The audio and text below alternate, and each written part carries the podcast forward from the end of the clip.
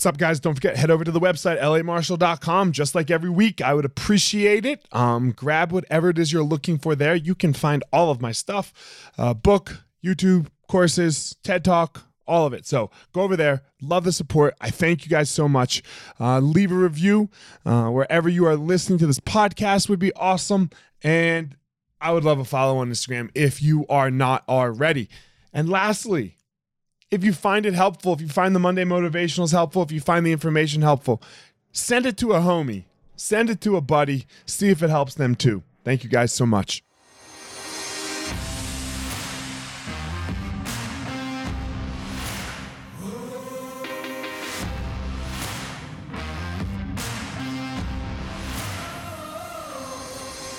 What's up, my ninjas? This is former UFC fighter Elliot Marshall, and this is the Gospel of Fire, where we are going to learn how to go into the fire so that we can find our power and live the best life possible.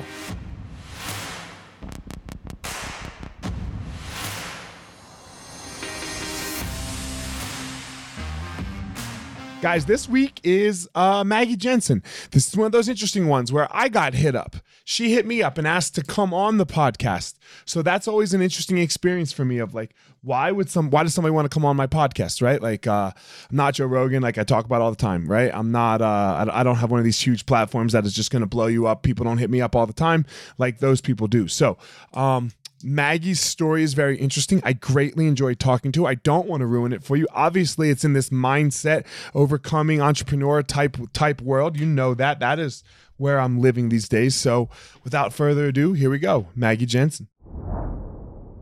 Maggie, what's up? How are you? Hey, Ellie, I'm doing great. How are you? I'm doing well. Thanks for coming on. Well, thank you so much for having me. I've been so excited to uh, formally meet you through the screen, even though yeah. you know it's through Zoom. But uh, so excited to be here and chat and kind of nerd out on some yeah. mindset topics today. Without a doubt, I agree. So uh, normally, this, like I, I told you offline a little bit, my what my second to last question is why do this? You know, because um, I don't know if you've noticed, uh, but I don't have a million followers. Uh, that this might help you a little bit. It might not help you a little bit. I don't know. But you hit me up actually, right? Mm-hmm. So you hit me up and asked if we could do this. And then I kind of looked at your profile. I was like, yeah, I'm going to do it, you know? So uh, why'd you hit me up? Because oh, we don't know all, each other, right? We don't know each other.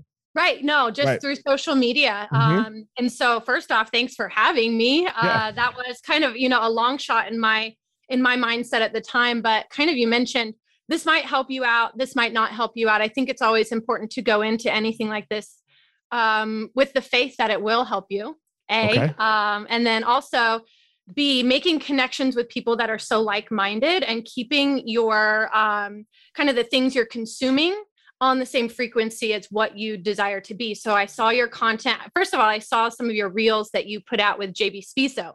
Mm, uh, he's a very okay. good He's a very good friend of mine, a family friend. He kicked my husband's butt a few years ago in the military um, as one of his leaders. And so we have him over at parties all the time. We talk shop, we talk business. And I saw he was on your podcast. You released mm-hmm. some reels. And um, at that point, I was just like scrolling through, consuming anything Elliot Marshall I could because it was just so um, i guess energizing to see another person in this space talking about having the right um, desire and faith behind your goals and, and going after it. Yeah it's hard right? It's it's a hard message to get through to people as well right? Because i don't know uh it's one of those things that a lot of people think they have 1st of mm-hmm. all right? They're like oh i can you know? But i i disagree you know? It, it's hard to sometimes put a positive spin on it right? Like fixing or changing your mindset. And mm-hmm. uh, you know i run into this one a lot and tell me how you do uh, with this. I hate. How do I say this? I don't hate. you have to be able to solve someone's problem when you're talking to them online. Yeah. So when you say you're solving someone's problem, it sounds like you have answers. And yes, I have answers, and my answers might not be for everyone, but it's hard to sound like they're not from everyone. So like this this fine line of like, yo, come trust me, I'm this guru. I hate that, you know but we get mm-hmm. attached to somebody like but so and you have to do things to make them be like oh wait a minute i want to click you know and yeah. or hit follow right yeah. so how do you you know it, it's hard because like you have answers right that you do for your program right and and how you help people is it 100%. the only way the only way to get results in general yeah. oh no there's so no. much there's so many resources out there and i think you hit the nail on the head with like you know you have to have the marketing behind your message of how to get people to click how to how to get people's attention and then once you bring them into your space and you're giving them these answers these tools and you're so passionate about it you have to trust that they're then going to go apply it in the correct manner on their own and come back and say, wow, Maggie, you really changed my life versus the person that says, well, I'm taking in her, her messages and I'm, I'm listening to her, but it's not working for me. And so that's kind of where I've seen like where I have to really go hard is encouraging people just go after it. Listen to the things I'm saying and do it, implement, make the decision. Um, and I think that's where a lot of coaches out there could could up their ante a little bit just encouraging okay. people to go after it you know yeah it's it, it because it's not soft Mm-mm. like if you're if you if you need to change if you need something if you're missing something in your life and you you want something differently it's not a it's it's not a not it's not a 90% thing you're either in or you're out you're either all the way in or you're all the way out like i don't know i like to say i've never jumped into the shallow end of the pool like I, right. I jump all the way in.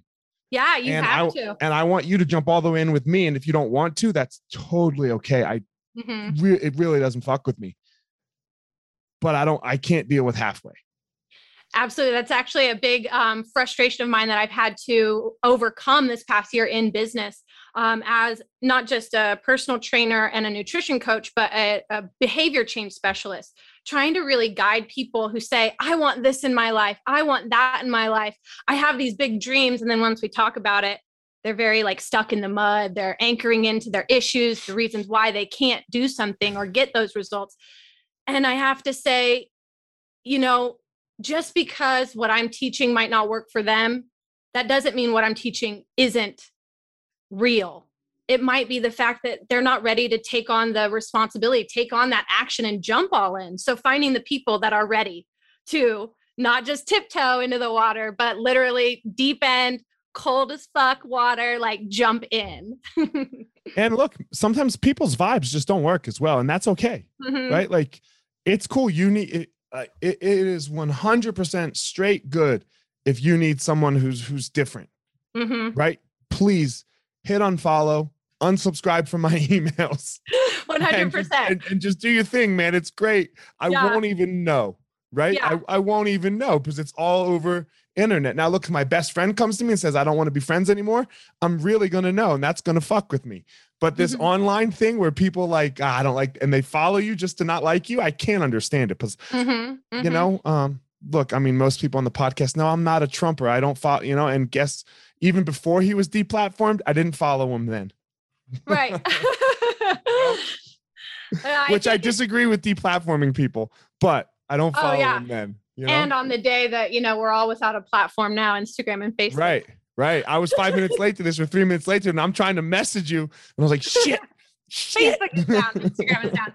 But yeah, I think that's also like the the need to have more followers, the need to have the likes, the clicks, everything like that, the attention has also turned coaches into chasers, you know, instead of thinking, how can I attract the ideal client? How can I attract the people that are going to understand my message and really want to implement? They're like saying, oh, this one person liked my account. I'm going to, I'm going to go after them hard and I'm going to, I'm going to use all of my energy trying to convince them of my worthiness. And when in all actuality, you just have to flip that on its head. And it took yeah. me a long time to learn that, but. so Maggie, how old are you? I'm 30. You're 30. Okay. Mm-hmm. You you just crossed. Okay. I, I say uh, zero to 29 is mm-hmm. young, mm-hmm. 30 to 60 is middle aged, and then 60 and up, you're old. Uh, and everyone is trying to get to old because getting old is a privilege. Mm-hmm. Okay. Everyone doesn't have the privilege of getting old. Yeah. Um, so anyway, congratulations on coming to middle ageism.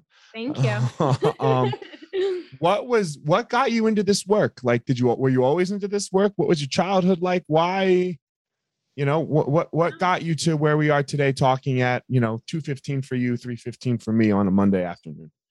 Yeah. So, um, you know, I love that you kind of open this up with saying congratulations on making it to thirty. We we all want to um, be able to we might cast down aging and say you know youthfulness is is what we all want but in the end we are blessed if we make it to um, you know 60 70 80 and as a 30 year old i think that i have actually um, been able to experience things that made me appreciate that even more and become wise beyond my years. Um, you know and, and, going back i shared just before we we started recording that i was born in kansas but i moved around a lot. My dad was military um, and in the beginning it all seemed really really normal. Like it seemed like a really beautiful family. My mom was also from kansas. My dad was stationed at fort riley at the time that i was born. Um, I had two older brothers, and my mom was a school teacher. It was just, you know, cool, awesome middle Midwestern family. Um, age five, we had moved around uh, three different duty stations, and my dad was deployed. He was a, a Spanish linguist for mili- the Army military intelligence, and he was in uh, Central America, South America at the time, and uh, my mom got lonely. My mom started suffering what a lot of, I think, military wives do suffer from loneliness, uh, the responsibility, the lack of her own identity. And um, I didn't know at the time, I just knew that something had shifted. She began drinking and um, being a different person, really being isolated, disconnected. And at age five, I didn't know what that was, but I knew something was different. Um, and I was the youngest of two brothers. They both kind of tried to delicately inform me of what was going on. Sometimes how old not. were they? How much older? Yeah, so my um my middle brother Eric, two years older than me, and then my oldest. Mm-hmm, and then my oldest brother was nine years older than me. Um, nine um, years older than you, mm-hmm. so he was fourteen. So he was he knew what the he knew what was up. He knew what was going on, and he's actually my half brother. We have different dads. Okay. Um. So Jake is my oldest brother, Eric was my middle brother. And a lot of people would say that Eric and I, two years apart, they would say, wow, you guys look like twins. We were just that close. Um, even in our own mannerisms, it's like we had our own little language. We were just like, we could look at each other and speak to each other. Um, and they really, they really tried to teach me and nurture me and also keep me protected. Uh, very thankful for that but you know there was things that i, I saw still. Um, my mom was bringing men over to the house. My mom was um, you know no longer involved in any kind of activities. We were starting to make our own meals and having to pack our own lunches things of that nature. And um, age six age seven my parents got a divorce and we moved out and we moved with my mom. Um, at that time obviously social media wasn't a thing. My dad was still deployed uh, and we lived in this house and, and endured a few years of really traumatic things. And I think maybe a lot of your listeners would even know this as well if they've ever grown up in a household with addiction, being a child of an alcoholic. There's certain experiences that shape you, and and um, a lot of my program is built around the paradigms that we are built on, um, the the behaviors that we have based off our beliefs that we gain as children. Um, some of my beliefs that I grew up thinking about addiction in general uh, was that addiction is always going to be in your life. Once addicted, you're always addicted. Once you are um, an alcoholic, you will never be able to drink without having control again. You'll never be able to um, imbibe. Your, it's a disease. It's an incurable disease, and it's actually genetic. These are all the things that I learned um, outside of even my own capabilities. You learn a lot about, um, you know, people telling you or your parents telling you that you aren't capable of things that you shouldn't dream big that just the, the childhood trauma that occurs in that in that time. Um it's so interesting how how like look i had great parents mm-hmm. phenomenal parents. Like you uh you couldn't have had better. No no nobody nobody had better my you know? But mm-hmm. it wasn't a thing in my house where it was like yo you can do anything mm-hmm. because that that just wasn't a thing. Like mm-hmm. mindset that it was just just like mental illness wasn't a thing back then for for our generation. You were right. of different generations but still it was not right? Like it it just wasn't talked about. You mm-hmm. oh you want to be a basketball player? Okay go play basketball. Oh right? You the first step in this whole thing is belief. Yeah absolutely. Absolutely. And uh, I don't want to get too far off topic. We'll touch on this later, but there's a lot of a lot of resources out there that um, really talk about belief and desire being that that foundation for anything you want. And no matter how good your parents are, but especially for those people that didn't have those great role models, those great, mm-hmm. um, solid leaders in their lives. Without that, it's really difficult to create a self image of like, yeah, I'm going to be able to do this. I'm going to dream of this and not have all of these ideas of, oh, I can't do that. I don't have enough knowledge or I don't have enough um, skills. I'm not smart enough for that. A lot of times, our parents are actually programming us the other way. They're saying, mm-hmm. like, oh, you know, better be safe than sorry. Better, you know, plan B. you make a plan B and have make an escape route. and uh, I think the people that have really succeeded in life had somebody in their ear telling them, "Hey, this is your shot. You do it." And uh, or they had somebody telling them that they couldn't, and it fueled a fire for you know what I'm going to prove them wrong. So yeah, yeah, for sure. Um, you know, I had I had a really negative influence from my mom. Um, and a lot of things that come up even to this day watching like matilda things you know i notice where my mommy issues come in.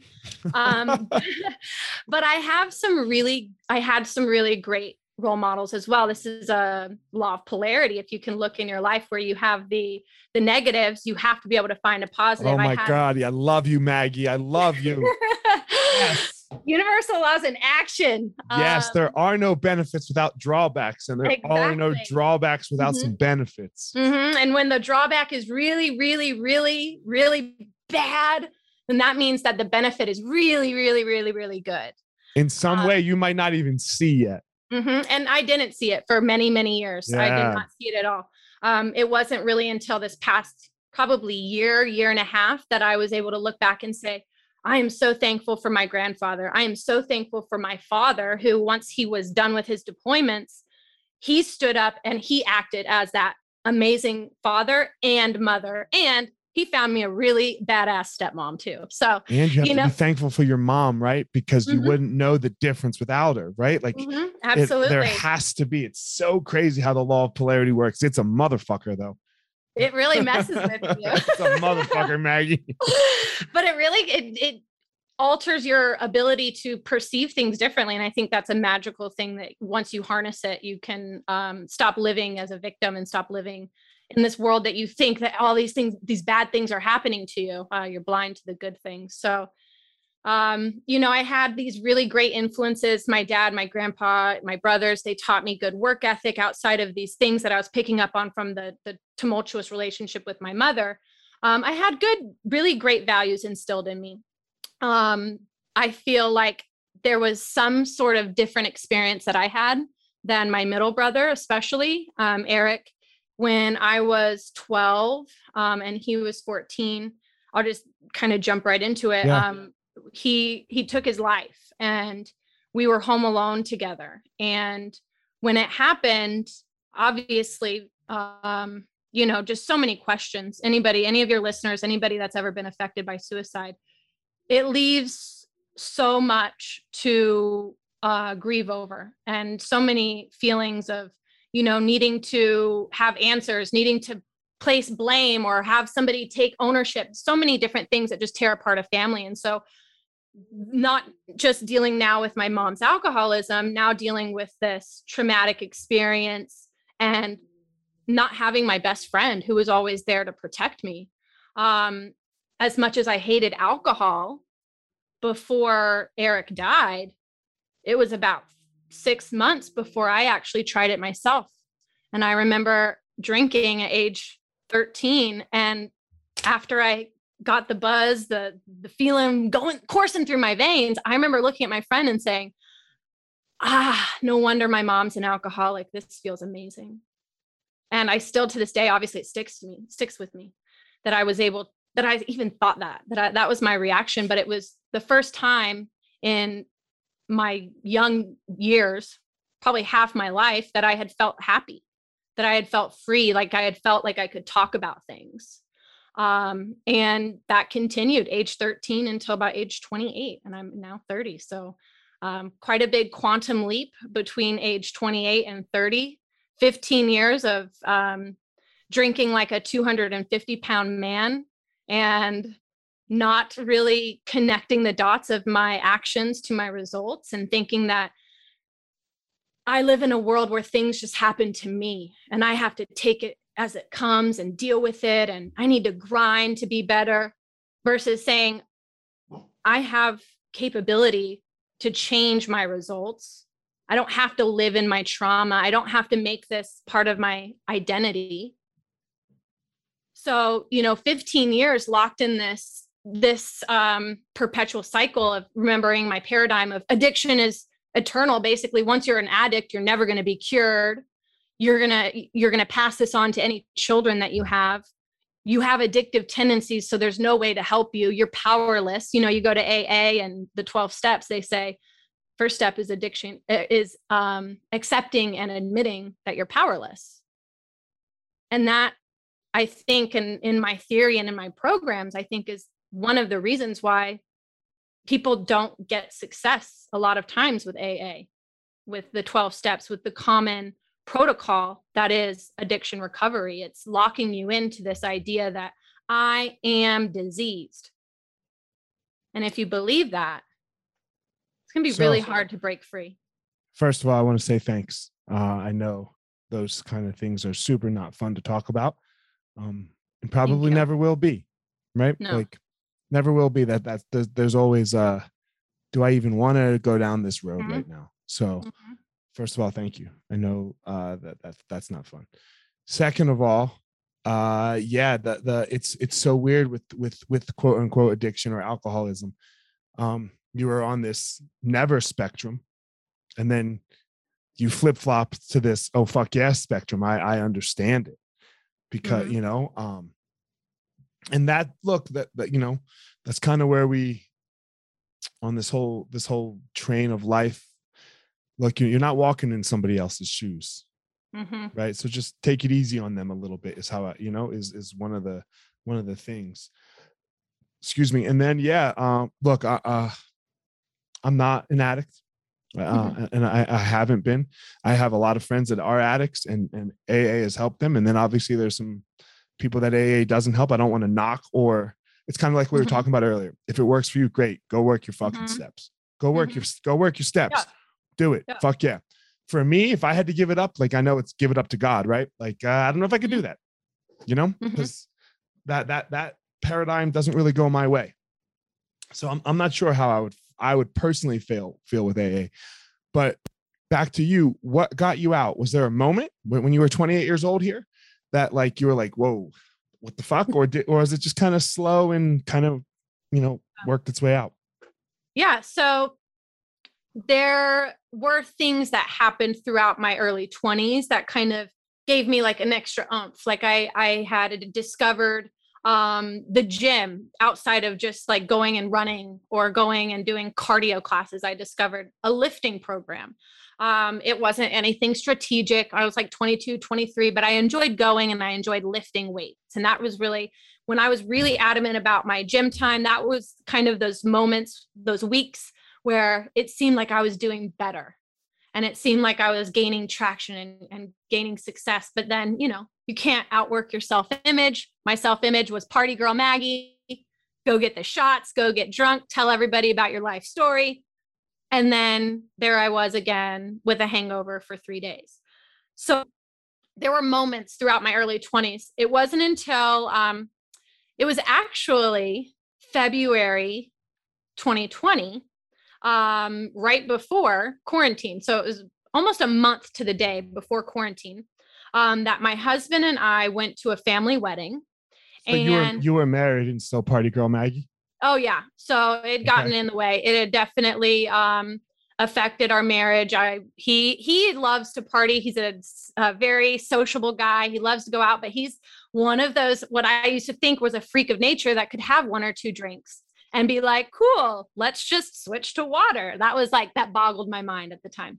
Um, fast forward, he was basically. My wife my- gets mad at me too. He's like, uh, I rarely, rarely get drunk. Yeah. But you don't know.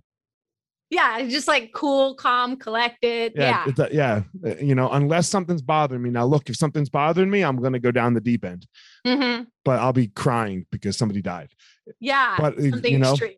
yeah, something extreme. Yeah. But other than that, like I'm just pretty chill. I'll sit on the fucking couch. Mm-hmm. Anyway, yeah, and that's how my husband is. Um, yeah. and so basically, whenever we go out, I had a full time babysitter. Like he was able to take care of me when uh, I became what my friends call baby deer, not being able to walk on my two feet, um, or you know I couldn't get up the stairs, whatnot. So that's not fun for him though. Not fun, and it's not attractive. And no. for me, it never clicked that like I'm driving him away, being this unattractive, sloppy, drunk person. But I had so much turmoil going on in my head. I'd say I just need to drink to feel. I need to drink to talk about things and everything. Bless his heart. Um, things are much better now. But uh, it was February of 2020, and we did, went to a wedding, and he had had neck surgery um, after an IED uh, explosion. So he's military. So mm-hmm. he had mm-hmm. a neck surgery early January, mid February. He's cleared to go to this wedding, and I want to dance. And he's just had cervical disc dancing. fused. Yeah, he ain't dancing, and he wants to go home and I just blow up. I make a fool of myself. And, you know, it wasn't even the most embarrassing thing that had ever happened to me in my drunken supers um, by far, I would say. But it was just that final straw that broke the camel's back um, that I said, I'm not going to drink anymore. And I went into it for the first month it was a little bit more difficult obviously because not only it, it wasn't my first month but it was um, when things were still happening when when the world hadn't shut down yet and a part of my own acceptance of everything that's happened over the past year and a half has been without quarantine i don't know that i would have been able to have the time that i needed to sit with my feelings and not use alcohol, even though I'm scrolling through and seeing where people are having mimosas at lunch on Wednesdays on their Zoom meetings, you know, I had to gain a lot of mental toughness and resilience in that time. And I don't think I would have been able to do that if I had been able to go to parties and go do all of the normal life things. Huh, interesting. Quarantine made you not drink, and quarantine made the rest of us drink. I if you, think if you that had, that was an interesting. Yeah, if you had thought. kids, if you had kids, quarantine made you drink. Yeah, yeah. Um, and you and you were like, well, I can't go out. I won't drink. Mm-hmm. That's interesting. So I kind of um, I think one of my main areas of success in that time was if you remember the little uh, the little stimmy package that we got, I put that towards finally getting um certifications. The oh, the Trump check. Yeah. Yeah, the so, Trump check, the 1200. I think it was like we were sitting around on like the third day of quarantine, and I'm like hating my life, having to work from home, doing my corporate job that I had. Um, and oh God, this is such a recent shift for you. Yeah, yeah. I had been like working out, doing all of this mindset stuff in my mind, but um, you know, never knowing how to actually apply it. And so when I started jumping all in during quarantine, I became a hermit crab. I wanted I wanted nothing more than sit at home and read my books over these new these new fascinating ideas. I wanted nothing more than to get into the behavior change coursework. I wanted to dive in to these invigorating goals that I had and I realized that that's something that I never gave myself in my active addiction and that's one reason why I never made it out until that point. Had you tried to quit before? oh yeah. Oh, 100. I'd probably quit, tried to quit at least twice a month before. Twice a month? Mm-hmm. For 15 years. Well, I'd say for about 10 years. When I, yeah.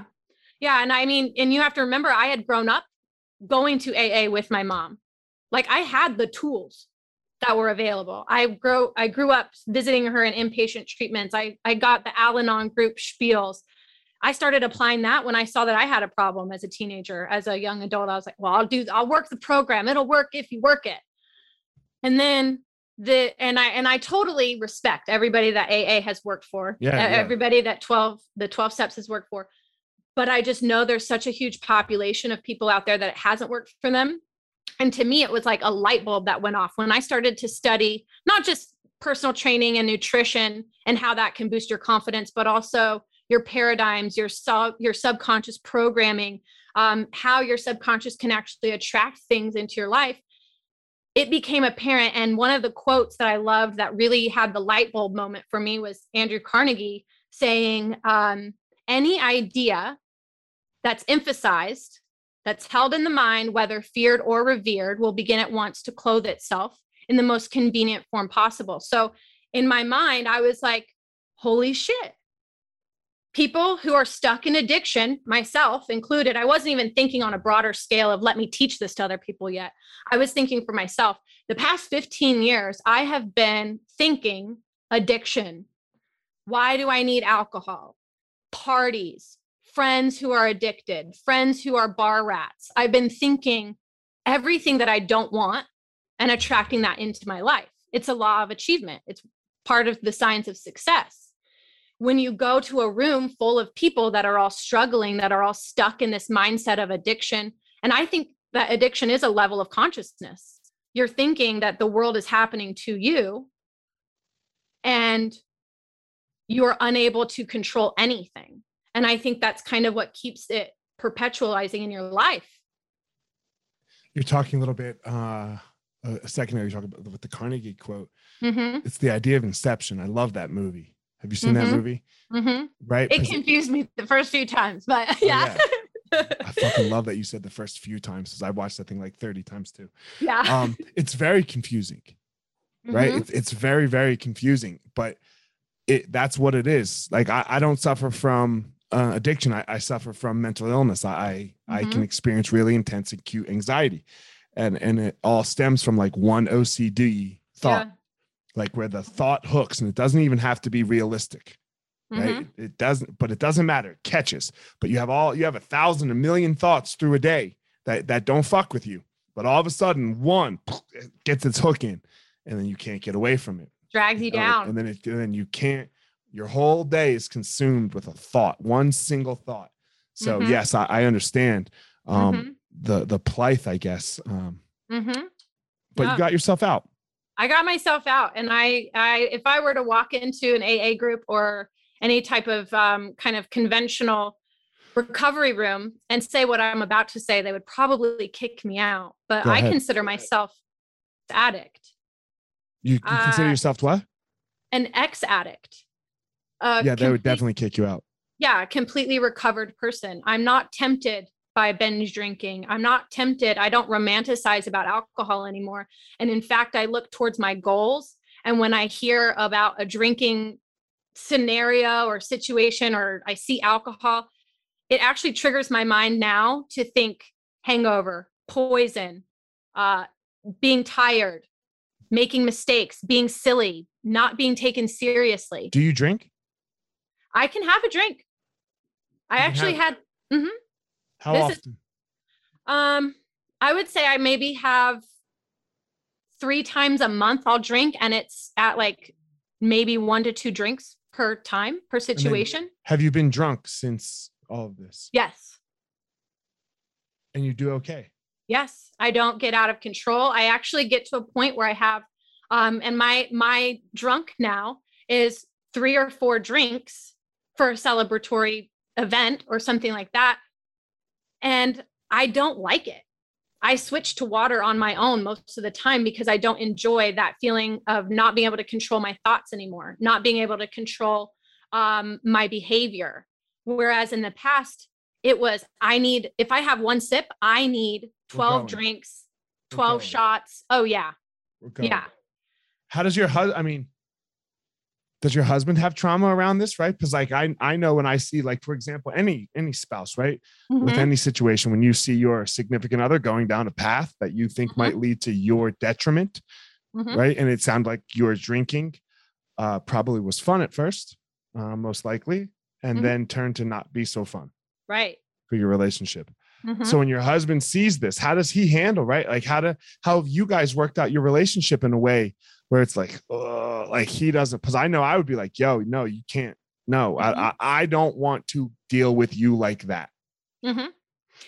Well, he, he, stood by me and endured the. It, I did. I took seven months off, not drinking mm-hmm. at all, and he endured that. That was very difficult for me. Um, a lot of emotions, very difficult for him but he believed that I could do it. He believed that I, and at that point, I was like, you know, I'm never drinking again. I don't know if I want to drink again.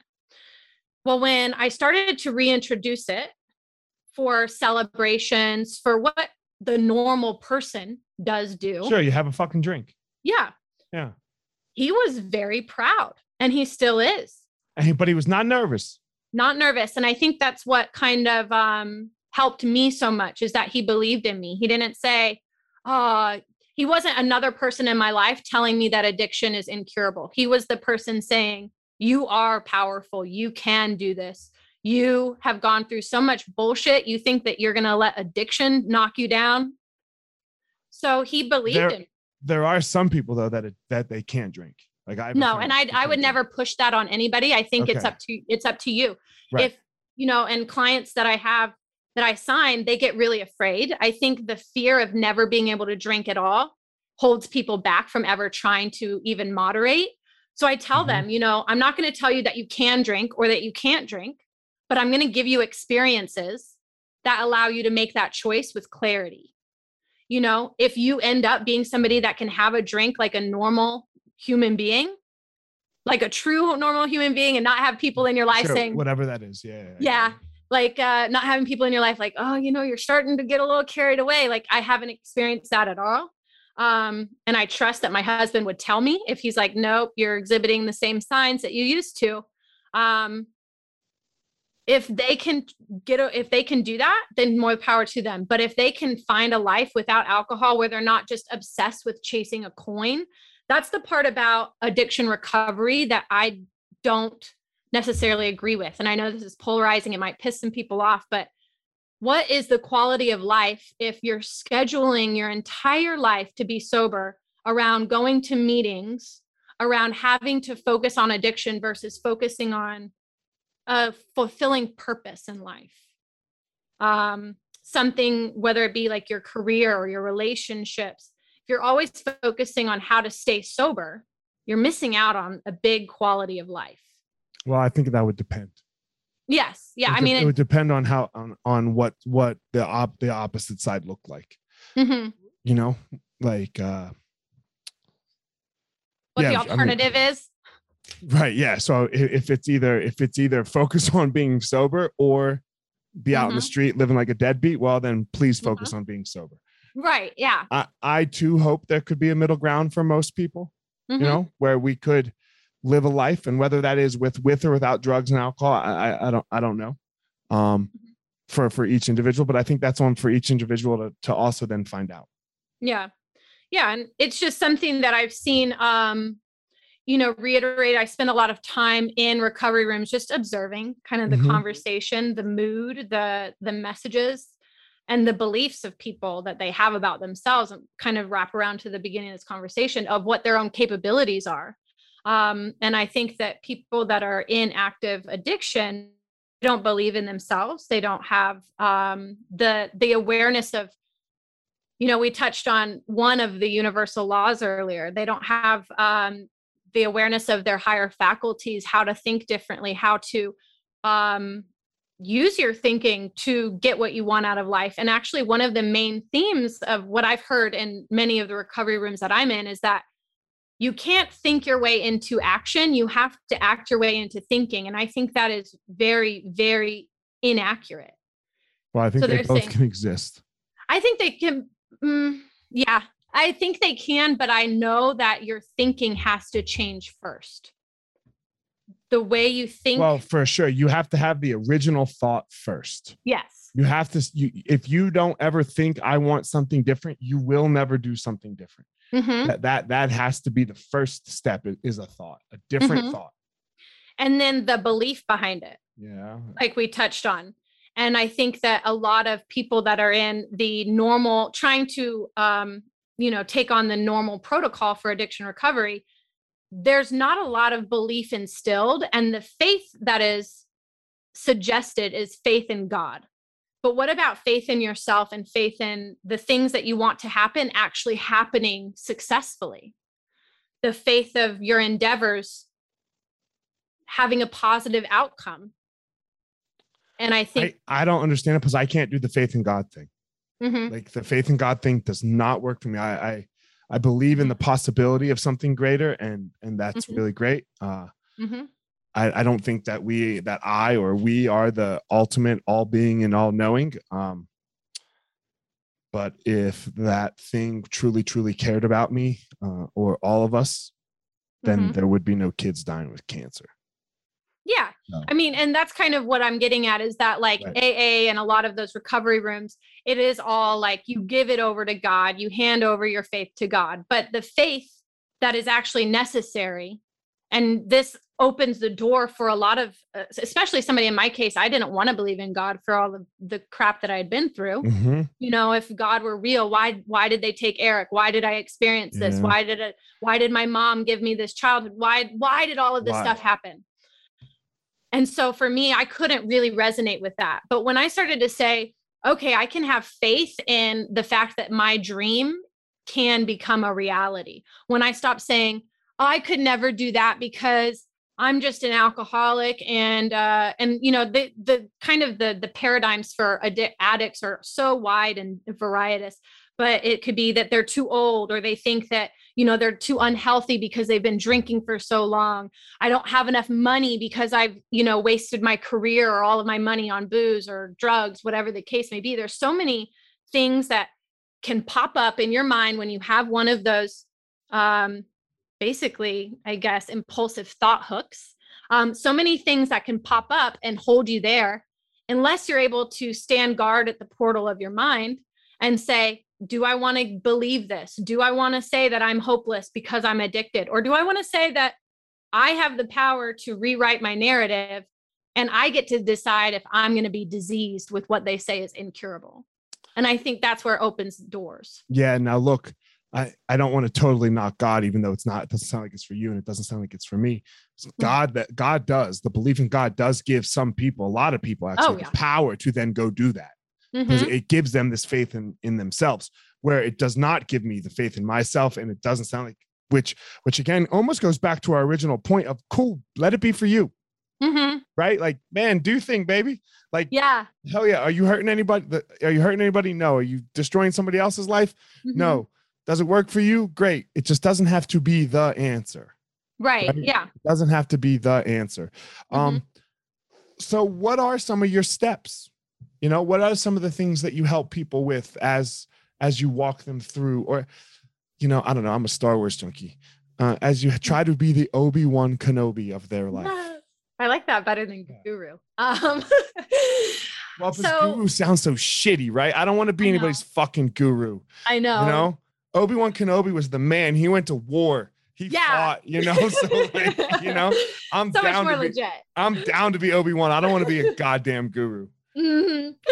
So, um, in my own way of being in my own Obi Wan Kenobi, yeah. um, is first of all allowing a client to get to know themselves of who they are, not who they think they should be, based off of what their parents told them as kids, based off what their spouse or their partner thinks. But like, who are you at your core when you knock down all of these? Oh God, this is my favorite question. Who are you then? Who am I?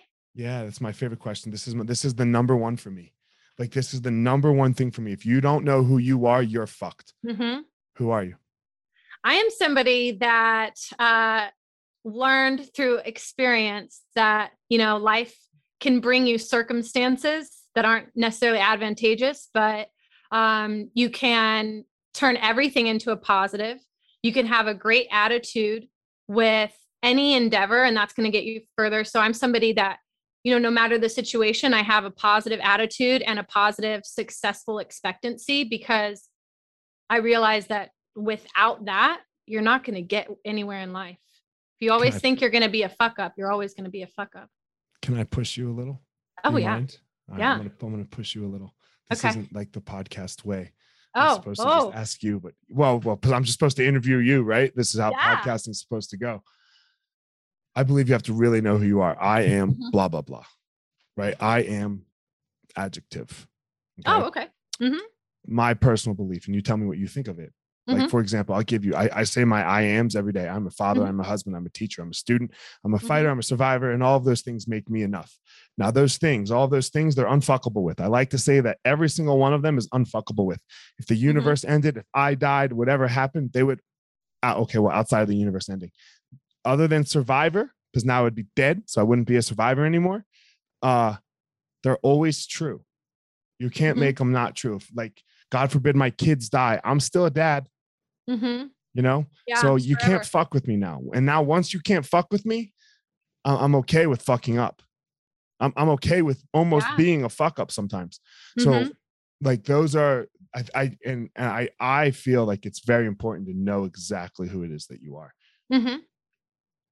So is that for me to open up the floor and, and do my d- declarative I ams? No, no. Well, if you oh. want to, yeah, for sure.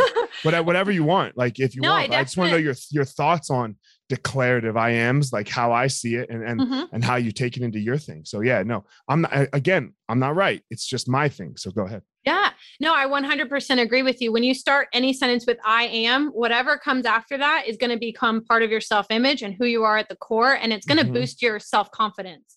That's or why destroy it or destroy it. Yes, you can actually have negative affirmations, things playing against you. But the fact that you are saying, I am a father, I and then like all of these things that make you unfuckable with, mm-hmm. um, that's because you're confident in them, because you've mm-hmm. told your subconscious time and time again, this is these are my roots. This is who I am at my core. And no matter what anybody else says to me, it remains true. So that I love that. I love when you can actually say, I am blank, and it be a very positive, empowering word versus what normally happens, I find in a kind of 97% population is they use that against themselves. I am lazy. I am unathletic. I'm fat. I'm depressed. I, I, feel people try to go too positives as well. I am the best. And goddamn, mm-hmm. that's a lot to live up to. Yeah, yeah. It's a lot to live up to. I'm not the best. Like I, am okay with not being the best. Actually, mm-hmm. uh, I've not, I don't think I've ever been the best at anything. Yeah, uh, you know, and that's okay. yeah, but I am these other things. Yeah, when you say you're the best, you kind of proclaim that you're judging and you're not going to ever try to grow. Because if you look at a new opportunity and you're saying I'm the best, you're not going to try to experience it. I already know what that is. I'm the best at everything. So, yeah. You know, um, I think that's a good way to stifle your your growth in general is thinking that you're the best and thinking that there's no way to level up. So, 100%. I, I mean, I can get into it for a minute. Like if you have to like go win this competition and, and you got to convince yourself like yeah. right now I'm the best. Okay, mm-hmm. well, fuck it. Let's go. Mm-hmm. You know? Yeah. That's why I like um one of my affirmations is I have a pos or I am known to have a positive expectancy, meaning that um, or a successful expectancy. I just expect the things that I undergo to have the successful outcome. I don't look at an endeavor and say, what if I fail? What if I can't do it? I did for most of my life. And that's yeah. where I was getting those same results over and over again. Um, but when I changed it and said, you know what, if I believe it, if I desire it, and if I kind of nurture the goal to use the hip, the hip vocabulary vernacular right now, um, if I'm moving in alignment with my goals, then it's going to happen. You know, if you put yeah. in the work. Uh, I'm not. I guess I'm not super keen on the vernacular. Sometimes I, you know, it runs me the wrong way. yeah, you know, it's cool. You, yeah, dude. Uh, you know, sometimes, and that's okay. That's okay. You make it work for you. Um, as we close here, so I already asked my one question why you did it. Mm-hmm. Now, uh, my second question that I always ask to end is I believe everyone has a unique power in the world, something that makes them truly amazing. That doesn't mean money, it doesn't mean fame. It's, um, it's almost like the gift that they get to give to the world. Mm-hmm. What's your power? It's kind of just on this topic that we were just saying, I think my power is uh, curiosity. And it's the fact that I never do claim that I'm the best at anything. I look at something and I want to know more. I want to know how it works. I want to experiment with it. I never look at anything and judge it and say, that's silly. That won't work. My sister in law told me that that's just stupid. My neighbor told me they tried it and it's just you know a waste of time what most people do right i'm curious i, I love the meme right now i love the meme going around that says man you didn't do research okay researching is not searching on facebook or calling your sister-in-law right like research is years long uh, of, of work. So stop saying you did the research. Mm-hmm. That's what, when you said I talked to my sister-in-law, that's what made me think. Of. Yeah, I, I talk to people all the time, especially when I have people that are interested in more of the fitness and nutrition portion of the program. Well, my my sister-in-law or my uh my coworker told me that they tried fasting and it blah, blah, blah, and I'm just like, you got to try things for yourself, do the research. And I think that's what's given me an edge.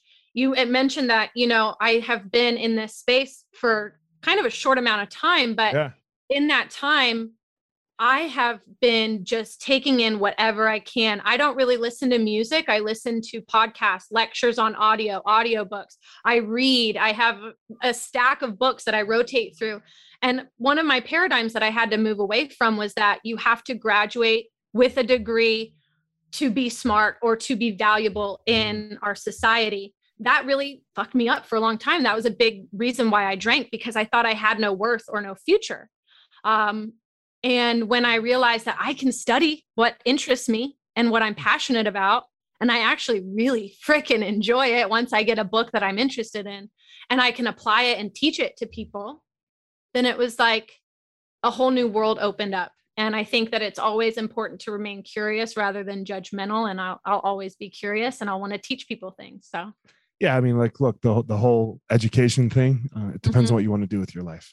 Yeah like if you if you want to be a plumber you got to go to plumber school i don't i don't mm-hmm. even know mm-hmm. what plumber school is called uh, if you want to do i don't know yeah. if you want to do surgery on people's knees and and and well then you have to go to med school you have to go to college go to med school mm-hmm. get degrees and yada yada mm-hmm look, I, I have a I have a degree. You know, I have a degree in mathematics, and uh, the only thing it was really good for was it introduced me to this martial arts world even more so than I was already in my in my younger days. You know, mm-hmm. I shouldn't mm-hmm. say introduced me. It, it, it solidified my full entrance into martial arts as a grown adult. Right. Uh, but that's it because it because it introduced me to people. Right. I don't think I'd be any less successful. I, I know I wouldn't be any less successful if I didn't go to college. Yeah. Yeah. I mean, there's a there's definitely a place for education. It's valued. I I think without a doubt. Yeah, there's a lot of things in my life that I have because of the coursework that I was able to attain before I drunkenly dropped out of college. Um, things like, you know, I was into graphic design. I worked on the newspaper. That's helping me design things for my for my my company. I worked right um, you know, copywriting that helps me write content. I worked public speaking. I did forensics and debate that helps me do literally what we're doing here. Sure.